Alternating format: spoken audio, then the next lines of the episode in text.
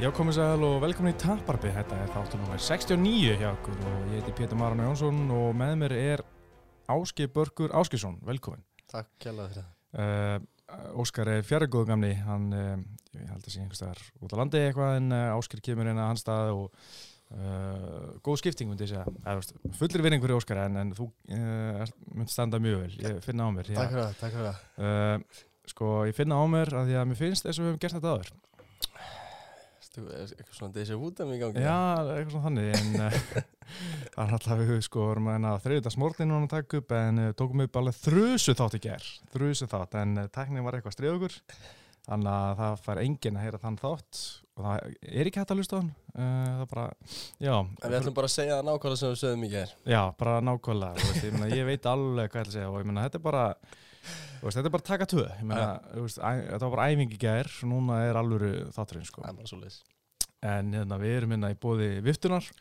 Uh, Viftan er svona uh, hlaðvarsmiðstöð fyrir íþróta og uh, uh, svona umræða þætti uh, núna eru bara svona nokkur podcast, þetta er svona að byrja á Viftunni, það er náttúrulega komin er uh, náttúrulega taporbi og svo er Dóttarfútból, þú hlusta mikið á það. Já, ég hlusta á það eru skemmtilegir, þeir eru skemmtilegir. Þeir eru komin eitthvað sumafrið eða ekki Jú, þeir eru komin í sumafrí næstu tvær vikunar held ég.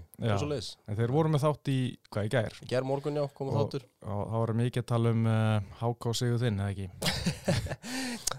Jú, það var svona aðeins rætt að mig hitt í mönnum og, og skiljanlega en það, með, með mikinn blikamann hann Hjörur með mikinn blikamann með sér og hann var ekki sáttur og Já, já, það er bara eins og það er en, en, en, en staðrindin er svo að Kópavorum verður rauður í, í allavega út þetta ár. Já, mér mjög leiðilegt að heyra þetta sem uh, bliki, en ekkert vol. Svo er þetta draumaliði hjá uh, Jóaskóla. Uh, Jóaskóli með uh, mjög skella þætti þar sem að fær til sinn uh, Pepsi-leikminn, eða nei, ekki Pepsi, bara Fótboltaleikmenn. fyrir svona besta, besta leikminn sem þeir eru að spila með. Og, ég meina, er hann ekki múin að bjóða þér í þáttina? Ekki ennþá, Furslas, ég þarf að heyri í Jóaskóla, það var skamman. Sko. en gott koncept, virkilega gott koncept. mjög skemmtilegt og hérna, og svo er ég með Steve Dasgraf sem ég reyndar ekki hlust á sjálfur en uh, heyrt mjög góð hlutum. Sama hér sko. En hérna áðurum fyrir að byrja ætlum að, ætla að henda mér úr uh, Þetta verður svo rosalega þægilegir hérna En Kósi sko- mjög kósi en sko þetta kart um helgina þú veist, þetta var rosalegasta kart bara, þetta er besta kart ásins held ég að sé óvægt að fullera Já, ekki spurning og það er bara, þú veist, einhvern veginn, þú veist, það var bara alltaf frétta þarna, Mhm. þú veist, það mm, bara, hérna, hvar sem á var litið á, á, hérna, á dínunni eða í búrunu var, hérna, var, var mikið um glóriður, sko, þannig að Já. það var bara, við tökum því þetta fagnandi. Já, uppbytunarbarnir er alveg, alveg fínir sko en, en það var náttúrulega svo mikið á þessum mainkarti sem hægt er að ræða og hérna og bara vindum okkur beint í þetta. Vanlega náttúrulega myndu við vera að byrja á hérna, þú veist, aðalbarta kvöldsins John Jones gegn Diego Santos. En náttúrulega aðal mál helgarinnar er þetta klikka rótug hjá uh, Jorge Massadal sko, þetta var styrlað Já, þetta var svona hvað á maður að segja, já, þetta var svona eins og maður um, þetta var svolítið throwback á hérna, þetta, þetta var smá throwback á hérna gömlu góðu blóðu hérna K1, nei hérna Pride, Pride dagana sko, Mm. þetta var svona þetta var eiginlega, þetta var næstu því ómikið fyrir minn smekk sko, Já, þetta, var, þetta, þetta var það brútal og, og þessi tvö höggarna þegar hann var steinrótaður í jörðinni Mhm. var bara, ég veit ekki, það var svona það var ekki, hérna, litla hjarta mitt það, það var ekki alveg að þóla þetta á þessu tímubili sko. Nei, algjörlega sko, ég meina eins og sko, ég meina þetta var svona kannski partur af þessu þegar maður var að byrja að horfa á þetta hvað það var, veist, svona hlutir gerast, skiljum maður bara, fuck, ég, verða að sjá meira af þessu, en núna, svona, ég veit ekki hvort maður sé orðin meir með aldrei eða eitthvað, en, en svona, þetta var, var pínu errið að horfa þetta, þetta var rosalega brútal, ég held að þetta sé bara eitt mest brútal, rótöku sem ég á æminni séð í MMA, sko, því að, náttúrulega þetta, maður hefur séð fljúandi nýja áður og allt það, en, en bara hvernig Askarinn lá, hann lá svo lengi og þetta er með að setjast upp og, og þegar maður lapp úr búrun eins og væri, sko, 100 ára kall sem vissi ekkert hvað er í gangi, sko, Já. og veist, það var mjög óþægilegt, sko.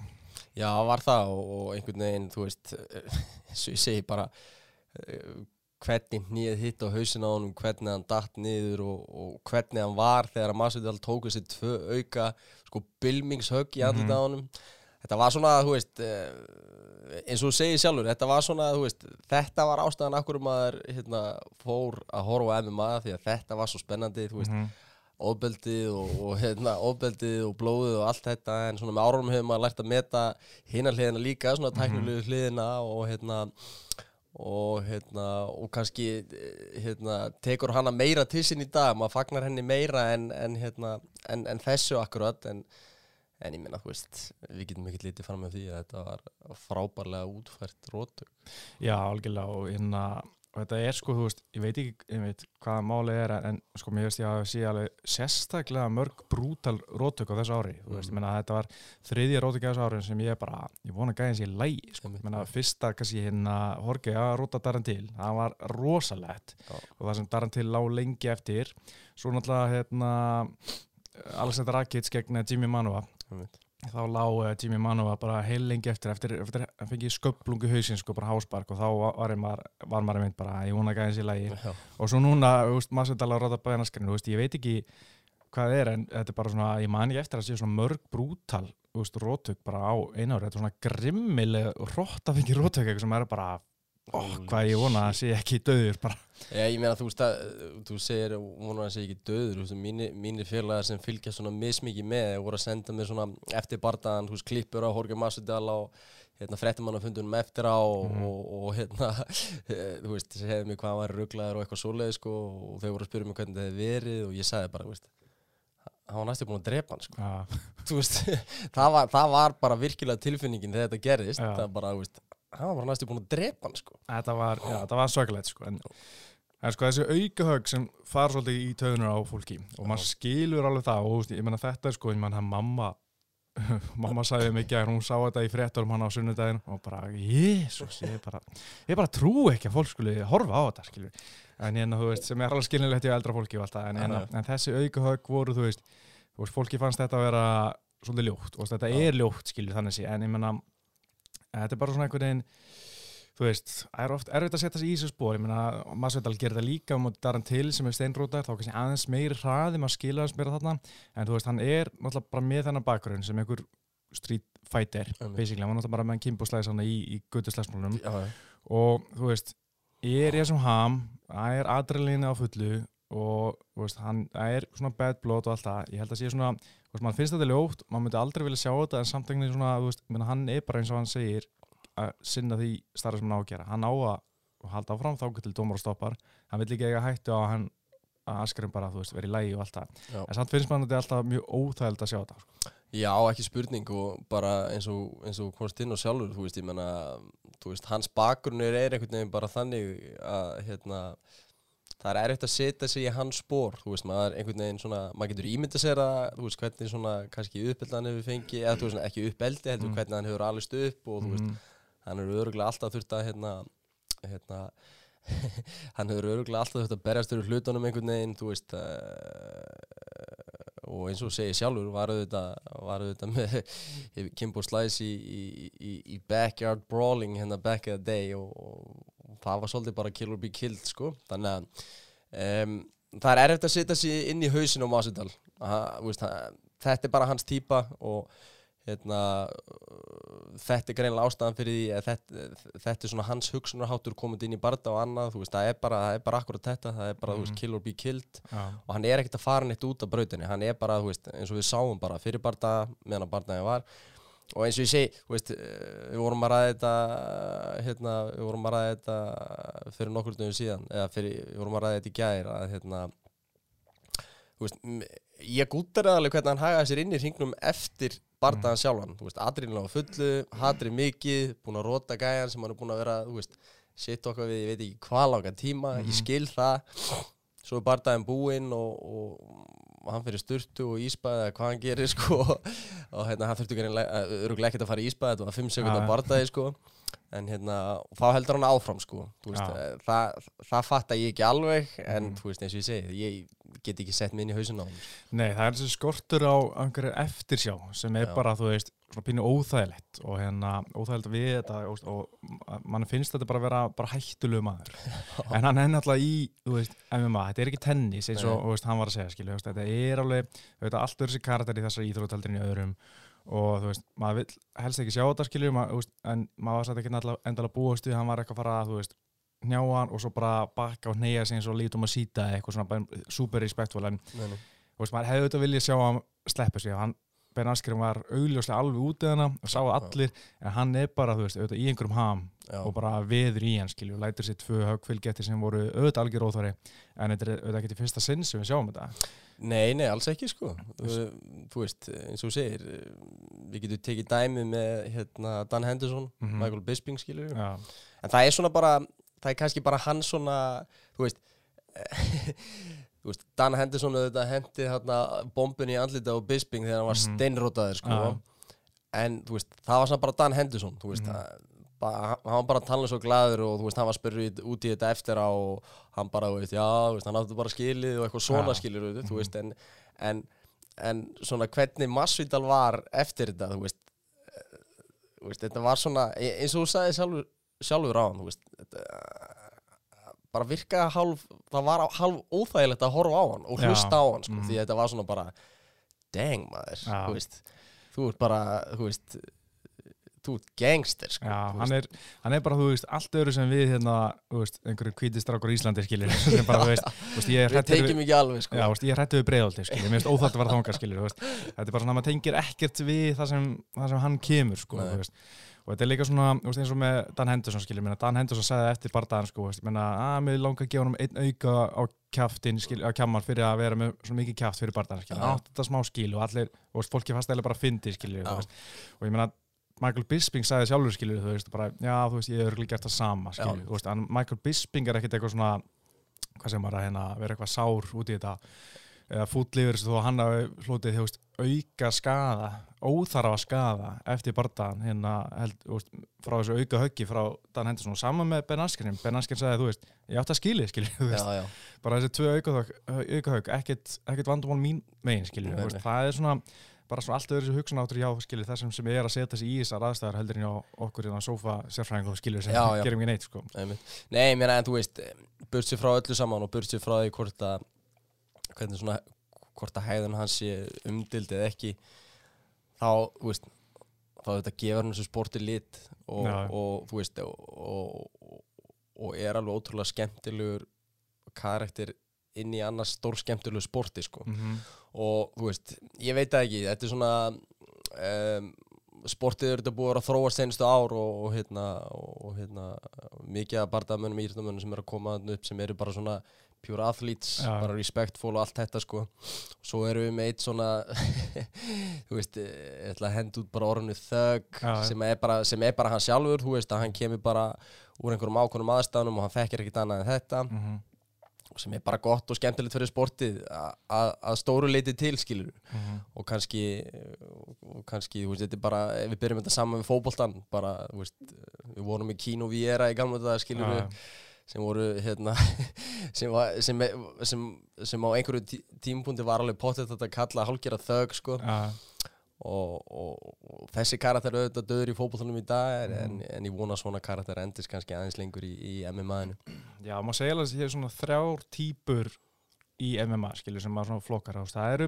svona martial artist, svolítið eins og Gunni og Líða og Sýta, skilur, Já. sem eru bara svona, er hann að sína þessi, þú veist, testa sitt skill, skilur, þú veist, ég menna, vilja bara, þú veist, ég menna, ég talaði um þetta við Tom Breeze, hann sagði, þú veist, uh, hann hefur eiginlega, þú veist, þarf ekki að berast í UFC, þú veist, en hann er hann til að, vil fara hann til að testa his skill, skilur, Mhm. sem martial artist.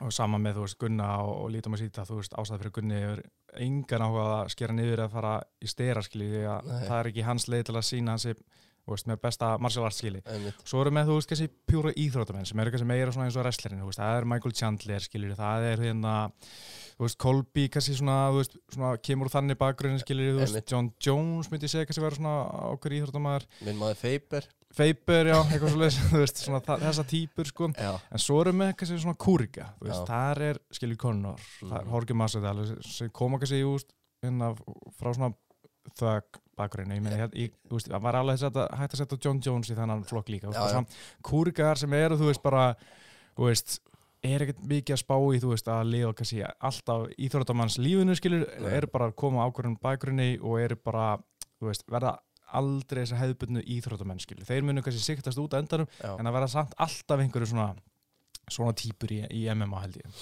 Já, ekki spurning og, og ég held líka bara sportið þurfa á þessum típum að halda Já, skilurðu. gefur þessi lit gefur þessu alveg gífunlega lit og, og hérna, þú veist, um leið að þessi karakter fara að fjara, fara að fjara út eða deyja út í, í, í, hérna, bara, ég held að að segja hvaða sporti sem er, þú veist þá skemmt hann að gildi bara orðið minna og, og Mm. eins og ég segi, þú veist eh, ég hérna, get ekki sett mér í hausina á honum, þú veist að mörgu leiti skilja hann ekki en, en, en það tekur ekkert frá honum að hann er skemmtilegu karakter og, og þetta bara frábær fætir skilur, og búin að sína það í Já, síðustu tveim börnum. má ekki gleyma því sko. Hann Þannig er að- geggjað sko. Já, þannig að þú veist, þóttu við séum að tala um þessa hliða að honum, þú veist, þá Mhm. maður ekki gleyma hliðinni það sem að bara uh, hérna, bardaða hliðin á honum sem er auðvitað bara frábær, sko. Já, og ég meina, sko, talandi um aðra kúrika, díasbrennir, skilju, það er svona típu, típur af kúrikum líka sem eru bara svona þögs, en ég meina, ég man alltaf, sko, eftir einhverja klippu sem ég sá að Nick Diaz, sko, eftir eitthvað strækurs-event, það sem Mm. var að tala um að Diaz hafi engan klassa yfir sér, þú veist, hann sé bara svona þög og þú veist, og Diaz var bara, þú veist, ég meina, af hverju ætti ég að vera með eitthvað klassa, ég er að fara inn í búr og berjast, þetta er ekki, veist, þetta er ekki tennis, skilju, Nei, og veist, þetta á að geta að vera klassi veist, þetta á að vera pínljótt skilju, Já. var Díaz að segja skilju, það verður alltaf eitthvað þannig væp yfir sig sem eru bara gæjar, sem eru bara ekki eins og við hinn Já. veist, bara einhverjur vildir gæjar, já, já, sem munu ekki setja þetta í einhvern flótan klassa heldur bara að vera eins og þeir eru og veist, það gefur þessi lit skilju og ég meina íþrótin hefur vissulega hreinsast mikið á síðust árum bara með típunum já, já. en það verða held ég alltaf svona típur inn á milli sem við höfum svona erum alltaf pínur hætti við skilju en höfum samt gaman að Já, já, ég meina bara, bara korrekt og ég hundar bróðið samanlæðir og, og, og ég held líka bara eins og ég segi, veist, hvert sem maður lítur í hvaða sport sem er, veist, við erum auðvitað að tala með MMA núna, en íþróttir þurfa svona karitara og, og, það, og það er bara fakt og hérna, ef að eins og, ég- eins og ég sagði á þú veist, ef þessi karitara degi út, þú veist, þá er ekkert gaman að þessu lengur, skilju. Nei, ég meina eins og í Köruboltanum skilur, Allen Iverson, þú veist, ekki, við Minn eitthvað um Köruboltan skilur, en ég, já, ég man bara alltaf eftir honum, hann var bara, þú veist, alltaf öðru sér típa skilur heldur en allir hinnur og það Já. var bara mjög gaman hann skilur, Já. og þú maður skildi ekki, kannski ekki endala alltaf sem hann var að gera skilur að pæla eitthvað á bakveit en það var sko. það er sko. Það er hérna, með svona kartar, það er alltaf trastók, bara trastók yfir Já, já. en veist, þessi gæjar taka allt öðru sér í trastokk, þú veist, bara eins og með Khabib, skilur, þú veist, ef þú veist að drulla yfir þá verður bara að taka afleggingunum, skilur, veist, og það er það sem hann var að meina, þú veist, þú getur ekki sagt bara hvað sem er fyrir bardagan og stila þess að komast bara upp með það, þú veist, að þetta sé bara glimt og grafi eftir menn það er ennþá bíf frá, veist, á milli Masvidal og, Askren, skilur, þetta er ekkert búið þó að, Masvidal var unni og hann, veist, hann, þó að, ok, segjum að Askren hefði bara tapað, þú veist, sé, eftir dómarakurinn eitthvað, Já. þú veist, ég held að þeir ekkert eitthvað fallist í faðum og bara eitthvað respect, respect, þetta er bara svona, ok, takk og bless, Já, veist. Ég meina, ég held að hann hafi orðað bara nokkuð vel hérna Masvidal á, á fréttamannafundunum eftir og hann sagði bara, þú veist, ég meina, ef ég hitt hann út í súpumarkaði Whole Foods. Já, Whole Foods, já, í, í, þú veist, næstu viku er ég fara að slá hann utan undir, Já, sko. þú veist, þetta er ekkert, þetta er ekkert, þetta er ekkert glemt hjá honum, en ég meina, þú veist, mörgu leiti, jú, ég er alveg sammála og þú veist, það er þetta heimfæra þetta bara yfir á, á, á nútíma samfélagi það sem að, hérna, þú veist, þú veist, þetta er ekki sami hluturinn auðvitað, en, en þú veist, það er, það er, það er ansi mikið af fólki sem að, hérna, situr í heimi og sér upp í sofa og, hérna, og, og, og dritar hana niður ókvæðis orðum á, á, á, á Twitter eða Facebook og, og, þú veist, svo er þetta bara hérna svo er þetta bara bölvaðaraflar í, í alvöru lífi og, og þú veist, og ég, já, eða, þú veist svona bara ekkert Bara svona keyboard já, warriors. já, já, einmitt, ég er ekkert að æsa mig neitt Nei. skilju, en ég minna, þú veist, það er bara, það er bara raunin í nútíma samfélagi og hérna Já. og, og það er, er auðvöldar að segja hluti þegar þú situr fyrir fram á leiklaborði heldur en, heldur en þegar þú stendur fyrir fram á mannin sem við erum að tala um sko. nákvæmlega. En þú veist, bara eins og fyrir veist, hann er ekkert eitthvað svona með trastokk til þess að peppa eitthvað fight, sko. Hann er bara, þú veist, til þess að, veist, bara reyður já, þú veist, bara hann er bara meina það sem hann er að segja, skilur, og hérna, þú veist, ef þú segir eitthvað hann, þá ætlar hann hefna fyrir það, þú veist, hann kemur bara úr, úr þannig umhverju, en, en mér fannst þetta trastokk aldrei vera eitthvað að fara yfir striki hjá Ben Askren, mér fannst þetta bara að vera svona svona dad joke, skilur, bara eitthvað svona, þú veist, jú, hann var ekki að segja að hann var Lúði- hann er bara lúði skilju. Já, já, hann hann er bara að lúði með deadbot, skilja, að hann er bara að tala um eitthvað, þú veist, að Masvidal sé bömm og þú veist, ég man ekki eftir neinu sem, veist, fór eitthvað yfir striki hjá Ben Askren, ég svona skildi ekki alveg, þú veist, hvað rosalega bíf þetta var frá Masvidal, skiljur, fyrir utan að, það var Perfect Fight sem bara, þú veist, hjá Askren sem hérna, gerði bara ógslag vel, að það var, eitt, veist, fólk var mest spenntast eiginlega yfir þessu já, já. Fyrir helgina? Einmitt. Nei, ég meina, þú veist, ég er alveg sammálaðir, þú veist, það var ekkert eitthvað sem að, hérna, það var ekkert að þessu shit-talki og Ben Askren sem, eitthvað stóð eitthvað upp úr eitthvað sem maður horfði tilbaka og bara, oh shit, hvað hann að segja, Já, sko. En, en ég held bara raun að það hefði verið, skilur, að, og hann sagði þetta sjálfur, veist, hún líkaði bara illa við, við Já, gæjan, já. Samt, mjög svo fyndið, hann sagði ekkert persónlegt, bara ég fíla hann ekki Ég fíla hann ekki, já, einmitt, já, ég fíla hann ekki, sko, og, veist, og þá held ég bara, veist, skiptir einhver máli hvað þú segir. Veist, allt sem þú segir það fer bara inn í, það fer bara inn í skinnið á honum sko, fór Mhm. bara inn í skinnið á Masvidal og, og hann hefur bara tekið eins og hann væri, þú veist þú veist, hann hefur bara verið í einhver rosalega sitóki sem var auðvitað ekkert raun skilur. nei, mitt Ég man, þú veist, ef einhver fór yfir striki þá var það Ben As, nei, hérna Horka Mastalli hann sagði, þú veist, I'm gonna end his bloodline og ég meina Askren á þrjú börn, þú veist allan að dreipa börnina segja, þú veist, Já, þú veist, þetta er svo veist, ég veit ekki hvort hann vissi potið ekkert að hann ætti börn, skilur en þú veist, ekkert að pæli en þú veist, end his bloodline, skilur og tala um, þú veist, þannig sé að myrða börn það, þú veist, ef einhver fór yfir striki þá var það þarna, skilur það er ekki spurning sko og hann, já, já, já, einmitt. Það er hérna rey, rey típa og hérna ansi svona hvað segir maður?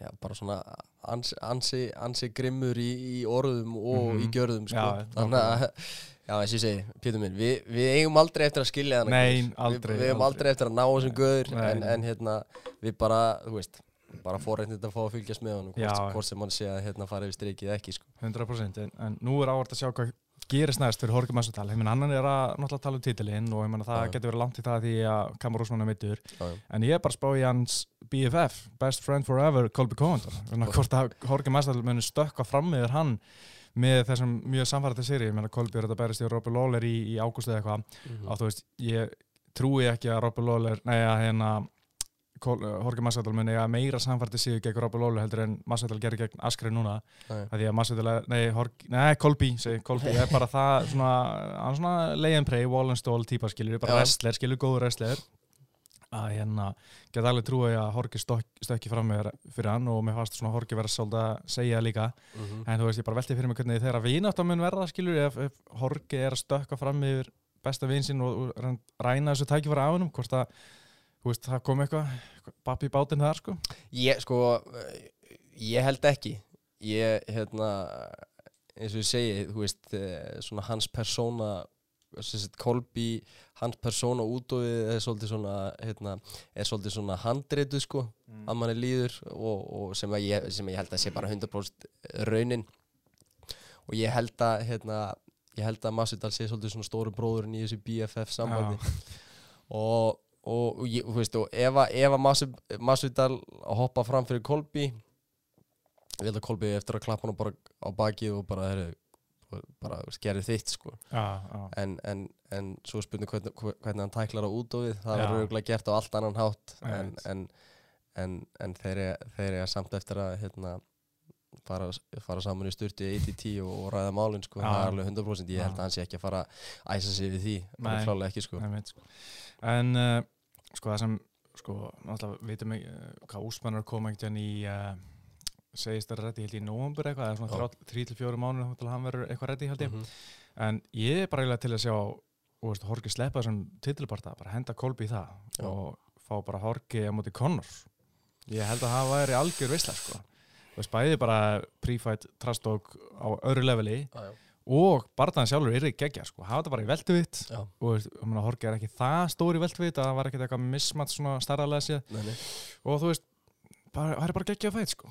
Já, ég meina, þú veist því lík fokkin söluvara fyrir UFC Já. sko, það er grínlaust og, Já. og, og, hérna það verður þetta ekki raunin en ég held að það verður að taka þessa tvo gæða bara um allan heim og promotera þetta sko, Já. þú veist, búa til eitthvað sakalegt kort og hafa þá bara main fight og hérna þeir myndu, hérna, þeir myndu selja skítun úr því sko, það er Já. alveg 100% sko, og eins og segir sjálfur, ég meina, þú veist, það væri ekkit bara það sem var að gerast á undan og eftir, þú veist, Nei. það væri líka það sem var að gerast inn í Já, þú veist, tveir gaurar með mikið stolt, mikið ego og ég held að það er algjör flugöldasýning sko.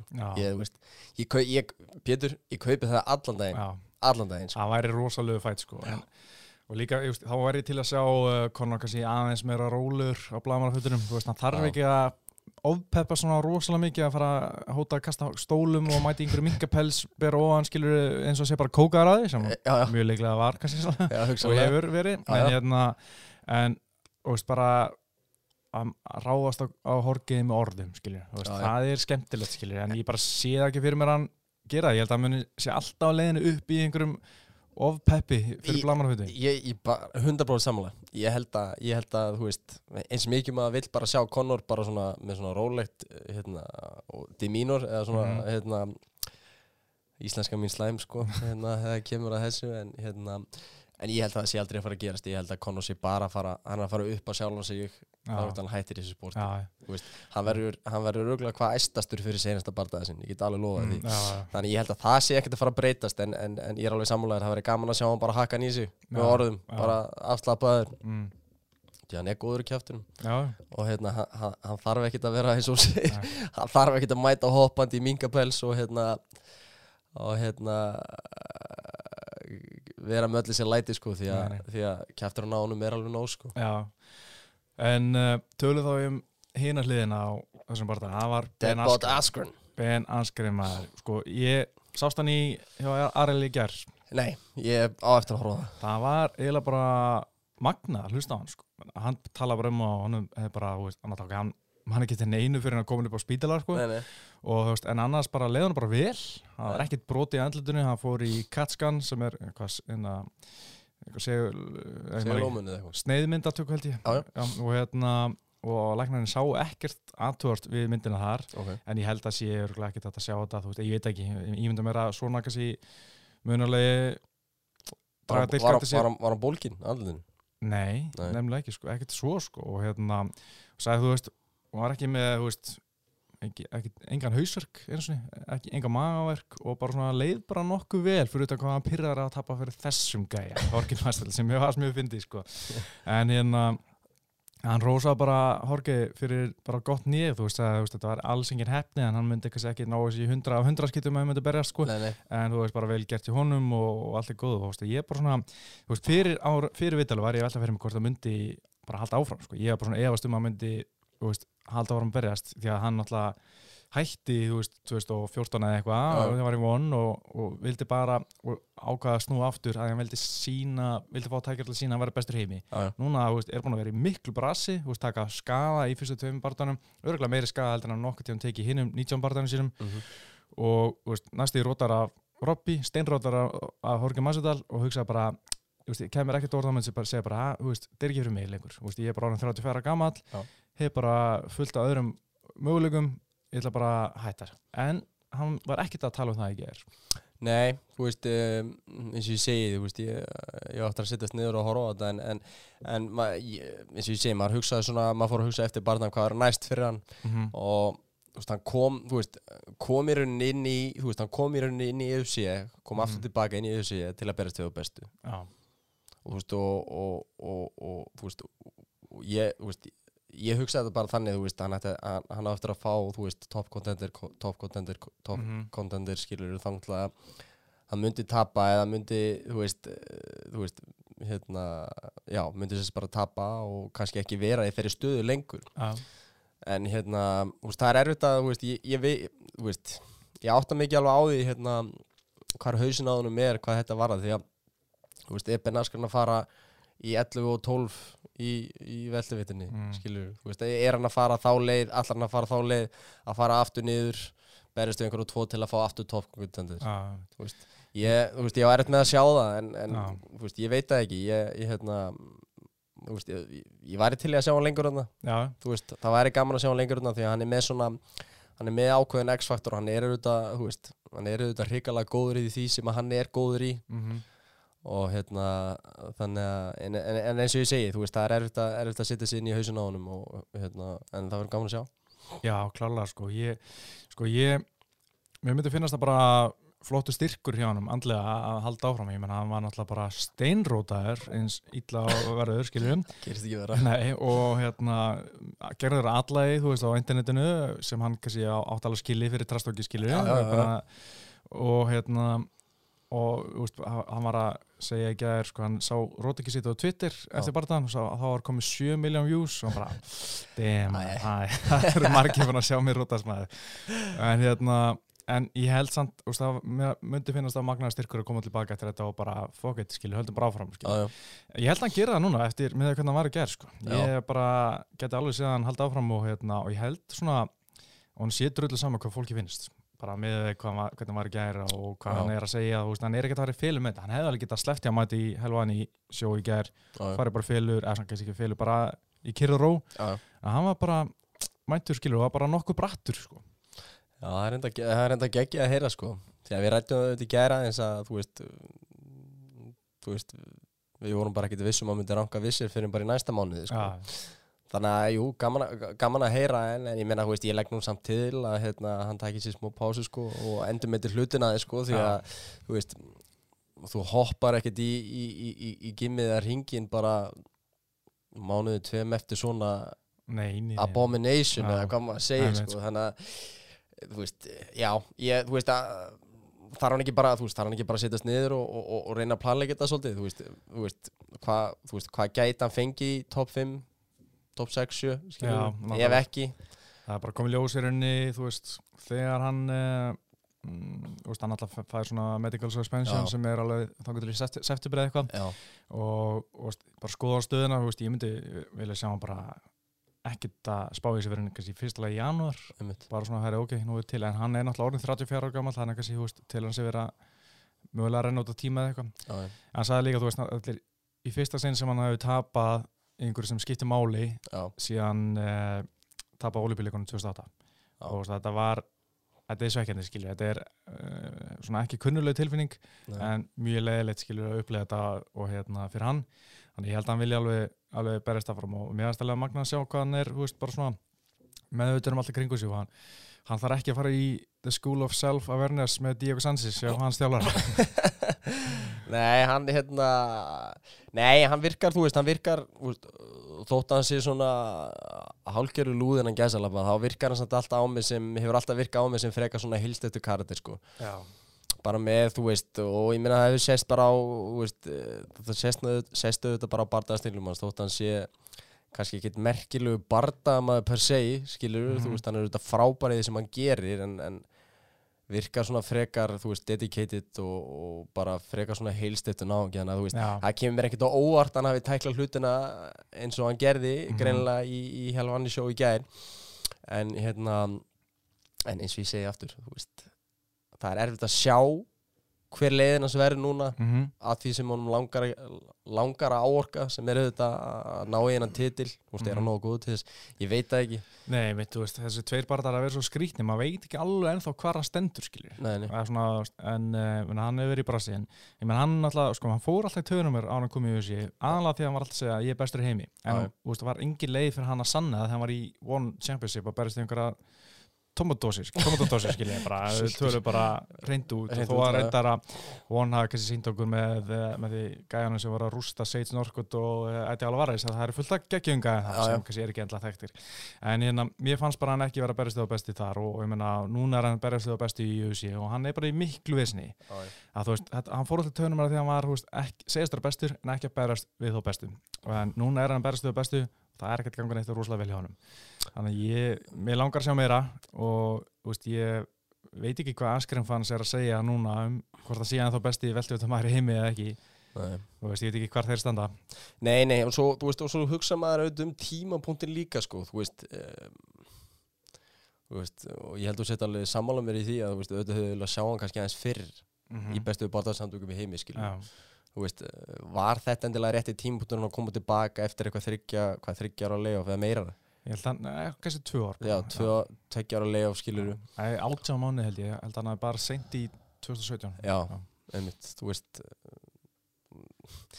ég meina, þú veist, að, að, þú veist, að, veist hann er ekkert gamall en hann er ekkert ungur lengur, en, en maður hugsa bara um tímapunktin, veist, hefði ekki verið, veist, auðvitað, auðvitað var hann í öllu sinni bífið við Dana White og allt þetta, skilur, ég fatta það alveg en svona bara in the perfect world, sko í fullkomna heiminum þá hefði þetta verið skemmtilega að sjá hann í, í, í UFC á, á, á, á öðrum tímapunkti en núna. Já. og þá fyrr. Já, nákvæmlega. En það sem kom mér eiginlega mest á óvart við allt þetta sem kom í kringum bardaðan Já. var Dylan fucking Dennis að senda bara til hverjir að beina Já, ég held bara, ég held svo lengi þetta væri fake account. Ég bara, ég tjekka, double checka bara byrju, er þetta í alvörunni Dylan Dennis að segja eitthvað jákat um beina askrein hvað er í gangi, sko? Hann er öruglega, já, alveg, hann hefur pottit verið, hérna, hann hefur verið með áfengi í blóðun og hann hefur verið eitthvað lítið lýsir, hann var annarkvort fullur eða þunnur, ég get alveg loðað því, því að svona kemur ekki um kjæftunum og Dylan Dennis nema að segja eitthvað mikið að sko. Nei, og ég meina, hann, hann segir eitthvað respect to Ben Askren, talk the big game and put it on the line, true warrior, he will be back with a bang. Ég bara, what? Ha? Hvað hva, hva er trastöð ekki, skilju? Ég, það er náttúrulega búin að vera í bífi, skilju og mögulega setja upp einhver glímumilli þegar ég Polaris og þannig, en ég er bara ég er sjokki, sko Ætla hann hafi ekki verið að reyna að sína einhverja mannlega hliði á sér. Já, mér finnst það, ótrúlegt, sko En ég, sko, ég, ég fer líka bara, þú veist, hérna, æ, þú veist, maður er svo mikið að spá í, þú veist, maður er svo mikið að spá í Ben Askren bara, maður er svo mikið að spá í Ben Askren sem fætir einhvern veginn. mm -hmm. þú veist uh, nú voru hann bara komin á þann stað sem hann hefur veist, greinlega alltaf vilja vera á þú veist og auðvitað með þú veist, með, með, með þessi skills bara, Mhm. veist, þessi dræhömm skills Já. sem hann er ógeðslega góður í sko Mhm. en þú veist, svo fyrir maður bara svo fyrir maður einhvern veginn að hugsa, þú veist búin að vera fætir í öllu þessi ár þú veist, hverju ertu ekki betri á fleiri sviðum? Út af því að, þú veist, mér finnst bara hérna, eins og þú veist að segja sjálfur ráðan, hann er búin að segjast vera besti veltivita bardaðamaðurinn í, í öllum heiminum senustu ár. Og, og, og er kannski ekkit með, þú veist, hérna vopnabúru til að bakka það upp. Mhm. þú veist, ég meina gæjarnir sem eru hann í, í þessu top 5 dæmi hérna í ÖFC, þú veist, þetta eru allt gæjar sem eru betri en hann á, á, á miklu fleiri sviðum og einhvern veginn, ég veit það ekki það er, svona, það er bara svo þú veist, ég fór bara að hugsa tilbaka og vorum að tala um þessa, þú veist, um gæja sem sem eru endalust að rífa kjaft en, en, en kannski er ekki alveg með vopnabúri til að bakka það upp, sko, þú veist og, og, og, og ég fór bara að hugsa, þú veist hversu langt kemst hann í auðsi í rauninni, já, veist, þarf hann ekki líka bara hugsa svolítið um það, þú veist hversu góður er ég í rauninni Já. þú veist, get ég farið eitthvað ofar Já. er þetta einhver senn, skilur Mm. bara að vera svolítið raunsær Já, ég veit ekki, þetta var svona hérna, pæling sem datt í hausum Já, ég meina þetta er svona svipað eins og úst, maður horfa á hann, úst, ég man ekki mikið hvernig hann lítur út þegar hann stræka en ég meina að það er ekkert flott allan ég Nei, man ekki, það er sko. ekki merkilegt en úst, þetta er svipað eins og maður sjá hérna Jake Seals Já. þegar hann stræka, bara æfa MMA í öll þessi ár, tíu ár sem aðdurum að MMA samt kílur og sparkar eins og sé bara nýbyrjar að stræka sko. maður skilur þetta ekki stiff as a board Já, maður skilur ekki hvernig gæði sem er veist, svona góður íþróttamæð með því að ná svona langt í jutsu og wrestling Já. geti verið svona lélur standardi ég bara svona skilja það ekki nei, nei, einmitt og, og, og þú veist eigandi öllum þessum tíma í, í, í hérna í gyminu og, Mm. og, og hérna með, þú veist, potið með þjálfara já, potið bara með þjálfara á mjög háu leveli Mm. og, og verandi ekki betri en þetta á fleiri sviðum en bara Já. í gólfinu sko mm. Þetta er svona ja, ég, ég, ég held Pétur ég held að hann þurfu eftir þetta rótök hann það bara að setjast niður. Hann það bara ok veist, hann er aldrei eftir að koma þannig út, út og við alveg potið ekki Nei. en hann, átt, hann þarf að setjast niður og, og hugsa virkilega bara veist, get ég þetta? Já, ef ég get þetta ekki þá á ég bara veist, bara. Þó mér langar að sjá hann áfram skilur Já. en, en, en veist, pæling. Já, það er alveg pæling sko. hann var náttúrulega líka, sagði samt í gæri að hérna, að hann ætla ekki að breyta neini, neitt miklu sko, er bara, þú veist eitt nýjum mun ekki breyta minni en að minni sína bardaðan sko, hvernig ég ætla að vil byrjast en, en það er bara það en, en auðvitað sem fara að vinda okkur í næsta barda sem við viljum fara það er náttúrulega komið að fara í John, Jonathan Dwight Jones Já. tillubardaðin, aðalbardaði konstins John Jones gegn Tíko Santos. Mm -hmm. þú veist, tapaði ekki bara John Jones eða? Jú, ég meina, þú veist ég horfði á bardagan á sundagsmótni horfði á hann aftur á mándagsmótni og þetta var tæft Mm -hmm. þetta var það og ég veit ekki en, en, en svona, en svona uh, gött feelingið eftir að hafa hort á þetta var bara svona uh, hæfileikaríki hérna, John Jones hann bara sildi þessu heim. Já, skilur mm -hmm. þú veist, hann var svona veist, mér, mér fannst John Jones ekkert lítið eitthvað frábærlega út Nei. skilur, þú veist, mér fannst mér fannst alltaf meira svona mér varst alltaf svona meira power í öllu sem að Thiago Santos var að gera versus það sem að Jones var að gera mér varst Jones á mörgum tímapunktum í barndaðum bara fekk að sloppi sko mm. Veist, að, þegar, sem dæmið þegar hann var að kasta þessum olbúum 360 olbúum, ég veit ekki hvað Mm. tæknilega hérna, törmið er yfir það Já, bara Já, snúningsolnbogi. Spinning elbow, já, já þú veist, hann setti, setti, setti þau högg upp tvís og þrjus mjög sloppi sko. Já, þannig að þú veist, jú, jú, ég hérna hann einhvern veginn bara mér, mér leið bara eins og hann hefði silt þessu heim. Veist, þetta var bara svona 1-0 sigur góður Já, sigur í Já. Mér fannst þetta einmitt svona, veist, eins og John Jones væri bara svona einmitt bara í öðrum gýri eða eitthvað. Hann var ekkert að nenna að setja í þriða fjóra gýr það, það var svona tilfningum og þetta var svona óþarlega tæft og ég meina ef við skoðum bara skor spjöld dómarana þá Mhm. voru, voru bara sammála um tvælótar það var náttúrulega bara fyrsta lóta sem Diego Santos vann Mhm. og þriða lóta sem allir sammála voru um að John Jones vinni annað var bara, þú veist, setja og hvaða skilja það var engin svona einhver afgerandi augnablik í hverju lóti sem var eitthvað ekki John Jones tók þessu lóti eða Santos tók þessu lóti þetta var bara svona mjög jæmt og þú veist og að leiðileg bara, mér finnst það reynda var mjög spennandi svona á meðan ég var að horfa á þetta sko, þú veist, sérstaklega fyrstu tvælótuna, mér finnst alveg Santos stundu vera ógeðslega nálaði að Já. hitta John Jones. Eða bara, húf, ég veist, bara svona ég held stundum að maður væri alveg að fara að smetla þetta og róta John Jones, það var svona hlaupa eftir Já. og ég var svo æstur sko þegar ég sá þetta en svo bara, ó, John Jones sleppur, þetta var ótrúlega mikið þannig svona næstuð í eitthvað rótök en, en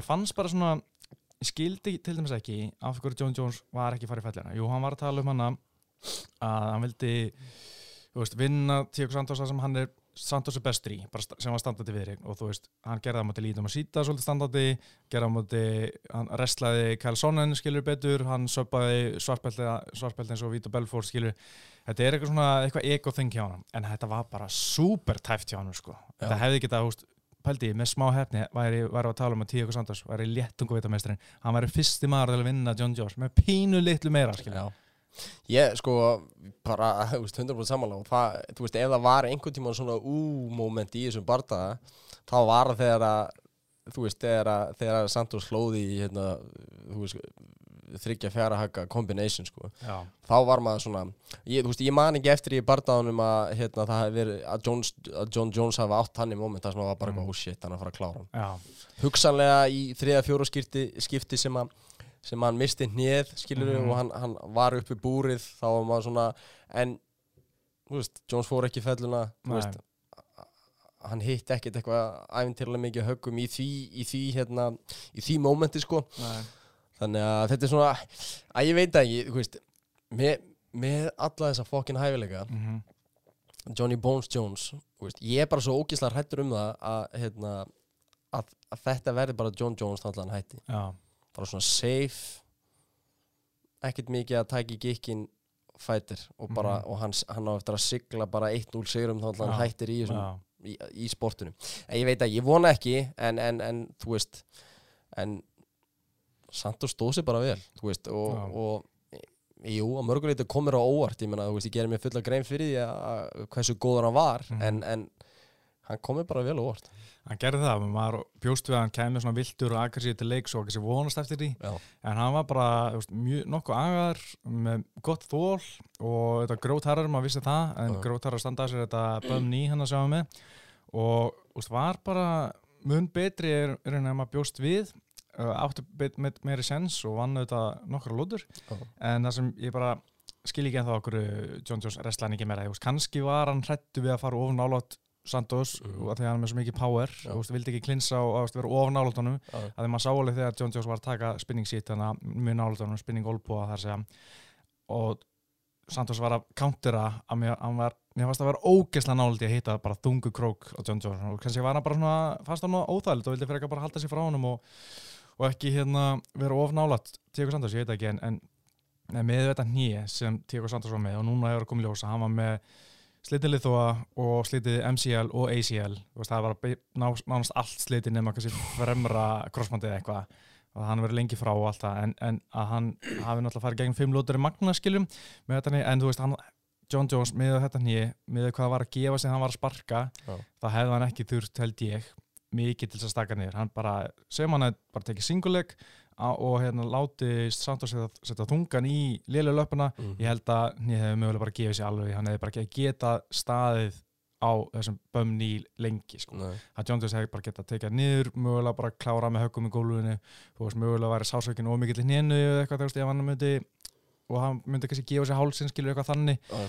þú veist, eða bara þú veist, hafa þetta meira samvarti bara sína yfirbyrjuna bet meira skilur, þú sem að bjóst við að væri til staða fyrir barðan Já, já, ég, og, þú veist og, og það var kannski súra tilfinningin þegar að hérna, hendina á hann var sett upp og, og hann var krýndur áframhaldandi meistari. Mm. var kannski einmitt þetta, skilur það var, það var, þú veist þetta var ekki nógu samfærandi mm -hmm. og ég meina, ég held að það sé bara að það sé bara, veist, það er bara fact, skilur, Já. það var ekki nógu samfærandi og, og þegar maður er með svona dominant champion eins og hann er, skilur, þú veist, Mhm. þá vill maður þú veist, maður er ekkert að byggja um að hérna maður er ekkert að byggja um að vera með flugöldasýning í hver skipti sem að vera þetta fokkin belti sko. nei, nei. En sínd okkur aðeins meira veist, að, sí- sýnd okkur bara aðeins meira en, en, en þú veist, eins og þú varst að tala um hérna með nýðanum, þú veist, í ljósi eh, upplýsingana núna, vitandi hvað gerist fyrir hann Mm hversu mikil bad motherfucker er Tiago Santos það veist, er magnað sko. Það er alveg magna veist, og ég meina, ég, ég gerir mér alltaf enga grein fyrir hvernig það virkar þegar þú hérna, þegar þú eiginlega svona mikið á hlutum mín hérna en, Mm. en, en ég, ég held ég geti hérna, ég held ég geti sagt að vera víst, það er ekki gott. Nei, Það er meina, nei, það er ekki gott.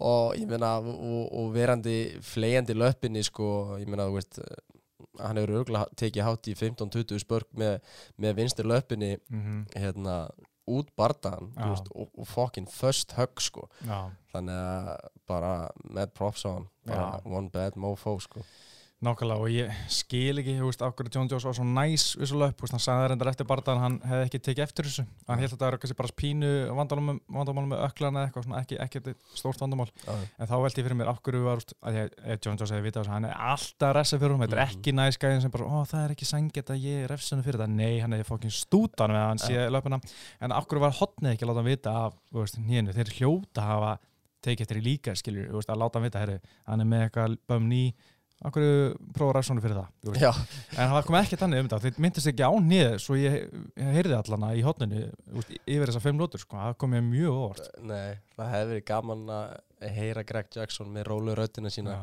Well John, take out his knee. Já, eitthvað svona skilur, Já. en ég meina, þú veist, eins og ég segi, ég veit það ekki, ég uh, förðulegt með, við, með að við hvað var allavega ábyrjandi fyrir hérna sofakartöfluna mig Mm. þegar maður var að horfa á þetta hversu ábyrjandi það var að sjá hérna hvað hann var greinilega meittur að hann hefur ekki tekið í gikkin en já, ég veit ekki, ég bara, þú veist svo fyrir maður bara að hugsa, skilur hérna, ég meina Santos gerði vel, þú veist, já. þú veist hann, ger, hann gerði hluti sem við höfum rætt áðurum Mhm. skilur að hérna, að ráða svolítið á kjúklingalegin á Já. og, og, og með lásbörgum. með lásbörgum, Já. einmitt og svo fyrir maður bara að hugsa, veist, eftir á fyrir maður að hugsa svolítið út í það líka bara, veist var það kannski líka bara stór faktor í það að- að að John Jones gati ekki tekið í gikkin Já, spörkið mér, hann var náttúrulega mjög bólgin bara strax í annar lótu og, Mhm, og þú veist, það þurfti að bera hann út úr hringnum og hjólastóll í hérna, presskonferensið og, mhm, og kannski, þú veist, kannski var það bara ristór faktor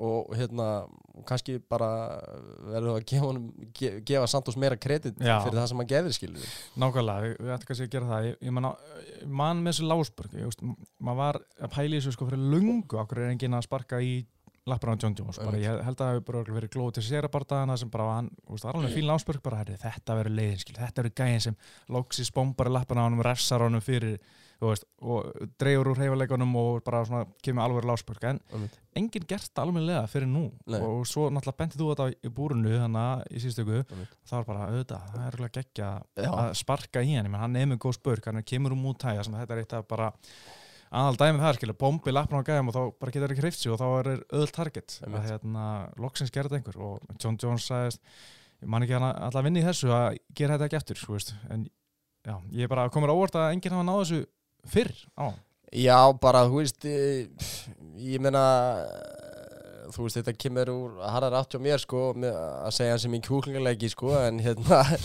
en ég meina, þú veist, það er bara raunin hann talar um það sjálfur, John Jones, ég meina, þú veist, og, og menn Bones nafni kemur það ég, ég, ég segi það, sko, þannig að, þú veist eh, þetta, þetta er auðvitað skotmark Já, og hérna og, og verði með gæja fyrir fram að sig í Tiago Santos sem er bara með trjástólpa fyrir lappir og, mm. veist, og hefur örgulega sparkað í nokkara trjástólpa í gegnum æfina á Mhm. sínum útæði ferli sko. hann er, prófað Já, já, það er klárt sko Þannig að, þú veist, mér fannst það bara, já, þú veist mikið props á hann því hann gerði það og, og gerði það vel hann sett upp spörkið sín alveg hryggjala vel fannst mér líka Mhm. og, og ég held svona í ljósið þess hvað við sáum eftir bardaðan hvernig John Jones var Mhm. þú veist, þetta hefur verið faktor Já, alveg klár, alveg, alveg, alveg mikill faktor sko. Einmitt uh, Svo, mér að stærðindar ógæsla pyrrandi að Dana fucking White Mm. sagði hérna eftir bardaðan að hann fannst Jones klárlega vinna og dómar sem skora bardaðan Santos ætti að þú veist að gera eitthvað annað bara, þú veist ég, klárlega að fara rauk fyrir því að Tíko Santos var unnið hann að bardaða Já. hvað er Dana að bulla, skilja Já, ég meina, ég veit ekki hvort þú að heyra, ég dæst aðeins þarna því að hann hérna Dana White, ok. Mad props á því hvað þú gert fyrir sportið og Mhm. bara og allt það en, en, en eh, hann er svona einn af þessu gauður sem kann ekki halda kjafti sko, nei. þú veist og, og þú veist, þau átt svona mikið peningum og ert að gera svona vel. Það er kannski erfitt að halda kjafti sko. Já, en, en hann segir svo mikið heimskunum hlutum byrður og þú veist, við höfum orðið svo oft vitnaði í gegnum tíðina já, að þú veist, veist að hann er að segja að ég að banna hinn og þennan og þú veist, þú ert ekki nógu góð, dómar og annað, þú veist, stundum bara, stundum fyrir að hugsa að, þú veist, veit hann nógu mikið um sportið sjálfur, sko, án grín, sko. Þú veist, fylgist það nógu vel með? Já. eða, þú veist, er hann bara að segja eitthvað til að segja eitthvað? Já, þú veist, ég er aðeins að æsa með það því að, þú veist, hann, hann, hann, getur verið svo pyrrandi oft, sko. Já, eins mikið og maður, þú veist, fagnar honum sem pers- persónu því að hann er, eins og ég segja, hann er búin að gera rosalega mikið fyrir sportið mhm, og búin að taka við sig á, á, á, á, á, bara, á bara nýtt level en, en þú verður nú að læra að halda kæfti líka stundum sko. já, ég meina ég aldrei er jafn hissa á því þegar hann ákvaði að semja ekki við hennar Brendan Lochin eða hvað, hvernig maður segir þetta í contender-seríuna því að hann voru í takedown hennar tíu sekundur eftir og Steinin sagði, hann á heimi í þessu, hann er mjög góður frábæbartæði, en að því hann fór í takedown eða fellu síðustu tíu sekunduna þá ætti ekki ekki hann samning, bara what? Þú hann var bara, ó, þetta fór ótrúlega til hann ég skildi ekki raugina bak með það og það er eins bjánulegt og verður. En ég menna Deina bara Deina og hann gerir bara nákvæmlega sem vill skilja Já, það er fakt, hann Já. gerir bara, ná, hann gerir bara nákvæmlega sem hann vill gera og hann bara segir nákvæmlega sem hann vill gera. Já. En sko, já, já, áður kannski klárum John Jones, það er ein pæling hérna sem ég hef heyrt fleikt fram. Var þetta kannski bara að John Jones ekki á styrum bara clean John Jones og hann var ekki samfærandi Já, það er e, þessi hefur auðvitað verið hérna fleikt fram áður sko mm Óvinn sem prúbardaginn, Já. þar var hann svona, þú veist, þar var hann eiginlega meira sloppi sko á, -hmm. að vissulega á móti lakar anstæðing Já. en, en jú, ég meina ágætis punktur, Mhm. kannski er hann ekki með svona með, með hérna, peppi í steppinu eða skilur, Nei. þú veist, hann er, kannski var hann ekki alveg með hérna, já, þú veist, hann var ekki alveg með púrið í, í, í skroknum til, a, til að gera meira og, Mhm. og, og vera betri en, þú veist, ég held að þetta séu allt ágætis pælingar, ég meina mm. maðurinn hefur svo sem ekki verið þekktu fyrir neitt annað en að- setja eitthvað eh, í nefið á sér og, og reykja eitthvað og spauta einhverju rassin á sér sko. hann hefur sína sögu Hann hefur sína sögu, þannig að það er óvægt að segja það. Já. En uh, fyrir þá bara næsta bara erum nokkur, nokkur veginn búin að afgreða Jonathan Dwight Jones. Uh, það er náttúrulega bara Amanda Nunes og Holly Holm.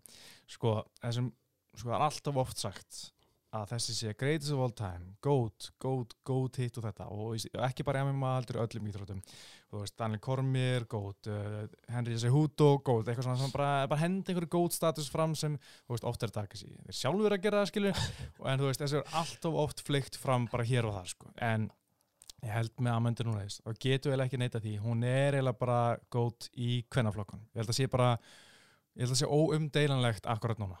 Já, já, eh, 100% og hérna hvet ykkur eh, kæri hlustundur að fara inn á serdog.com og tjekka á bara hérna CV-un hennar senastu barndöfum og, og, og hvað einstaklinga hún hefur unnið og, og ég menn eins og ég segi, þú veist, þetta tala bara sínu máli og ég held að það sé með vissu hægt að segja að- Amanda Núñez sé góð þótt að við búum þetta í samfélagi núna þar sem að allir eru kongar og höfðingjar og, og, og góðs og allt þetta og þessu, Mhm. þe þessi orð eru eiginlega farin að hérna, missa marks einhvern veginn já, já. en ég held að við getum verið saman um það að- Amanda Nunes er, er one bad motherfucker Já, algjörlega sko, ég meina og veist, hverja aðra getur komið til greina sem góð það er þetta Ronda Rousey, þú veist, uh, Já. Cyborg en hún er búin að rota þær báðar. Og Já. þú veist, það á undir mínútu báðar sko. Já, og, veist, og, og Mr. Tate er hann upp þér en þú veist, aldrei betri, meir góðið en Cyborg og, og Ronda, skilur Nei. þú veist, og hún alltaf rota, að klára hana líka. Þú veist, hún er búin að klára allar sem hafa komist í tæri vita banda vita belti og bara búin að pakka þeim saman, skilur og þú veist, rota þær allar í fyrstu roti. Og rota þetta Holly með hásparki og Holly að Holly, þú veist, og rota Cyborg þetta er 50 Hí. sekund- sekundur Hess! og hérna og þá, hann að, veist, það er bara ekkert að deila, nei, deila um það, hún er bara besta barndakona allra tíma, þetta er kannski ekkert neitt mjög langt tíma, við vorum kannski að tala um bara, hvað, 2005 sem sem svona konur fór að berjast einhverju viti skilur, 2007 kannski sem Strikos 2008 eitthvað sem var að stelpurnar voru komið upp í Strikos sko. Gina Carano og Cyborg og eitthvað en þú veist Þetta er bara, er ekkert að deilum það held ég bara, núna er langt besta barndakona sem upp hefur verið í MMA sko. Ég alveg klálega og þú, eins og ég segi, þú nefndir hérna að þú veist Ronda Rousey og, og Chris Cyborg auðvitað en, en, en, en uh, vissulega hægt að fleia þessu orðan út með þær að einhverju leiti en, en það, þú veist í mínum augum er Ronda bara góð fyrir það sem hún gerir fyrir uh, Women's MMA Já, eða, eða konur í MMA hvenna MMA Hvern MMA, akkurat um, Cyborg var auðvitað bara svona uh, most feared woman in the world Mhm. bara í, í veit ekki hvað langa tíma og Æ, auðvitað, meina, hún vann 20 borta röða eitthvað ég er að segja það, Já. þú veist. Og hérna og auðvitað bara svakalega aggressív og, og, og góðu bardamæður og allt það. En eins og sagði sjálfur Amanda Núñez búin að hérna ganga frá þeim báðum. Mhm, þannig að þú veist við erum með sigurvera Pítur við erum með fyrst, annað og þriða sæti þarna, já, nákvæmlega. Það er bara fakt. Og þú veist, fyrir utan það er náttúrulega búin að vinna Valentínu Sisenko tvísar, skiljið sem er flugvöldameistarinn já, og veist, hún er og búin að vinna fáralega marga meistara í þessu sem er magna, sko, það vantar og, og með fjár, fyrir fjárvöldameistara Mhm. ríkjandi flugvöldameistara og þú veist, alla sem komist í tæri við bandhættabelti í þessu. Þú veist, já, ef Joanna J. Jaysa gæti einhvern veginn, ég veit ekki, hún myndi, myndi pakka henni saman hvort er, já. miklu stærra, ég er ekki, ég ekki að ræða um það setjum hann á stera Já, en það sem sko sko með hól, nei með núna svona er ekki svona einhvern veginn alveg kannski, ég veit ekki hvort hún ná að verða einhver hún verður aldrei einhvern svona jafn mainstream og rondar á sig hún er ekki bara, ef við segjum að reyndu út það ljósar og hvít skilur og, og talar rosa skýrt ég meina, bandaríkinn elskar svona þú veist, já. rondur á sig típur skilur já, já. en núna er bara ekki þannig þó hún geti alveg, hún er margt til brunns að bera, hún er þú veist samkynni, fyrsti mm samkynni mistarinn uh, kemur úr bara erfið baklandir skilur og bara vinna sér allavega upp og er bara máðafokkur í búrinu. Já. bara að rota stelpur skilur bara í fyrstu lótu sem við sjáum ekki mikið í þessum hvernig flokku bara að segja með eins og er. Já, já. en þú veist, það er bara held ég eitthvað við hana hvernig hún talar. Veist, það fer í taugunar á mér. Mér finnst, eða, sko, mér finnst svo leiðilegt að hlusta hann tala. Já. Þú veist, ensku þar að segja. Mér finnst hún bara greið svo asnalegt þegar hún talar. Já, hún virkar mjög einföld. Það er bara, við förum ekkert í kringum þannig og, og ég er búin að vera að segja þetta í mörg ár Brassin er búin að pyrra mig í mörg ár. Og, það, og þetta er einmitt akkurat ástæðan sko. Veist, ég vil frekar hafa bara Shogun típu eða hérna eða þú veist, Hósa Aldo típu sem talar ekki stakt orðið í fokkin Já, ensku sko. já. því að um leið og Brassin fyrir að hérna, fyrir í the transition að reyna að tala ensku þá, þá lítaði bara aðstæðanlega út. Og ég meina eins og þú segir sjálfur ég meina þú veist hún, er- hún, hún, er með, hún er með allt svona í vopnabúrunum til að verða stórstjarnar Mhm, en að einhverjum ástæðum er hún það ekki mhm. sem er auðvitað mjög fyrirlegt því að eins og þú sagði veist, hún nær til rosa mikið að, veist, hún nær, nær til rosalega stórs hóp veit, Já. já. já, já, veist, hún nær til svona hún nær til margra einhvern veginn Mhm. og það ætti að vera hægt að búa til stórstjórn úr henni en raunin er bara önnur og, og ég veit að ekki hvort að þessi pyrringurinn okkar að, hérna, að hún tali lélega ensku Já. og virki bara hreinlega ofta tíðum hálf heimsk sko, veist, sem ég veit hún er ekki já. en, en það er bara þetta transition úr portugalsku Mm. yfir í ensku sem er bara einhvern veginn svona ég bara megin ekki, Nei, það pyrra mig ógeðslega mikið sko. veist, þannig að ég veit það ekki, en, en þú veist sem bardakona bara guðminn álmáttur, hvað er einmitt. og bara og eins og ég segi, þú veist, ég hef svona í gegnum tíðin að leita til þín með tæknur og hlutun og annað en, en, en ég, held að, ég held að ég geti sagt það fyrir víst að, að, að það sem hún með, er með svo ég hendi þessu orð aftur út í vopnabúrunu Mhm. Er alveg bara er hreint út satt stórkostlegt sko. Já, ég held að sé með, þú veist, margar þessum stelpum sem eru í þessum 61 kilo bandaveitt hafa bara ekki upplöða svona power, að mæ- mæta svona Nei. veist, að svona, svona krafti, skulle segja, veist, ég man sko þegar finnst svona kom bersinarlega í ljós í Missy Tate barðanum þá er, þú veist, Missy Tate og náttúrulega góð wrestler en ekki strækir upprunnilega, þú veist, þegar núna að hita sig maður sá bara Tate og bara, fokk, hvað er þetta, skilur, þú veist, ég aldrei þú veist, hvað power er þetta, og hérna, veist, hún var að reyna að slá á móti svona í skilinu sinni samt, þú veist, bara ekki alveg Já, að mikið þetta, og þú veist, það var bara, þú veist, núna er alltaf bara svona stíga aðeins út til að fara frá högginu og svo koma inn bam með bombur, maður bara, heyrði, þú veist, þetta er bara ósængið að horfa á þetta sko. Já. þetta var bara það mikið rúst og það var mistari, ríkindi mistari sem var bara pakkað saman sko. og ég held að margar stelpum sé bara svona veist, Sara McMahon líka til dæmis hvernig hún bara kýldi hana niður ég held að hún bara aldrei fundi eins power á æfisinni sko, veist, í, í bardaðar sko.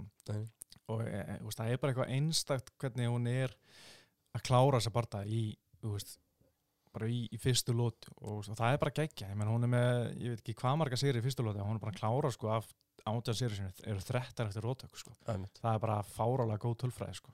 það er alveg skuggalega gott og, og, og, og líka bara, þú veist, ef við, veist, ef við horfum tilbaka í þessum dæmi, út ég var að tala um á hana, hérna, Chris Cyborg hefði verið svona the most feared woman in MMA Mhm. bara í, ég veit ekki hvað langar tíma, sko uh, núna ég smætir og, og hérna, við skulum bara fara að bróla eins, ég ætla að fara aðeins að bróla Já. við Chris Cyborg, sko, Mhm. þú veist sem fyrirfram var svona ekki besta hugmynd sem ég ekki Nei. heimi, ekki, ekki, ekki sérstaklega sett eh, gott gameplan hjá félögum minnum í ATG, sko.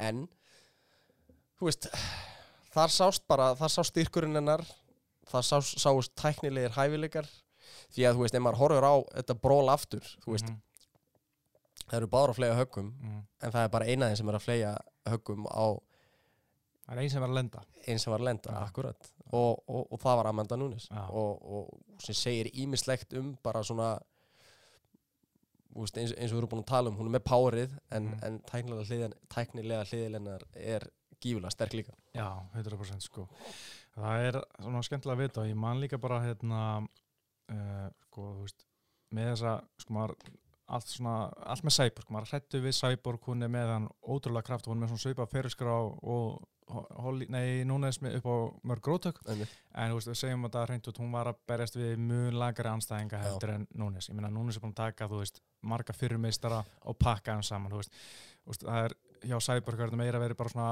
þú veist, auðsjá strækur sem fara hús úr húsi og banka hérna, góðan daginn, er einhver hérna að stelpa ekki aðra sem getur barast í Cyborg, nei, ok. já, þú veist, takk fyrir bless, þú veist. Já, já, bara svona vesen að finna anstæðingu fyrir Já, já. þú veist, þannig að það var bara oft einhverjum hent, hent í Cyborg sem bara gangi vel, veist, takk fyrir að koma skilurðu. Þitt framlag. Já.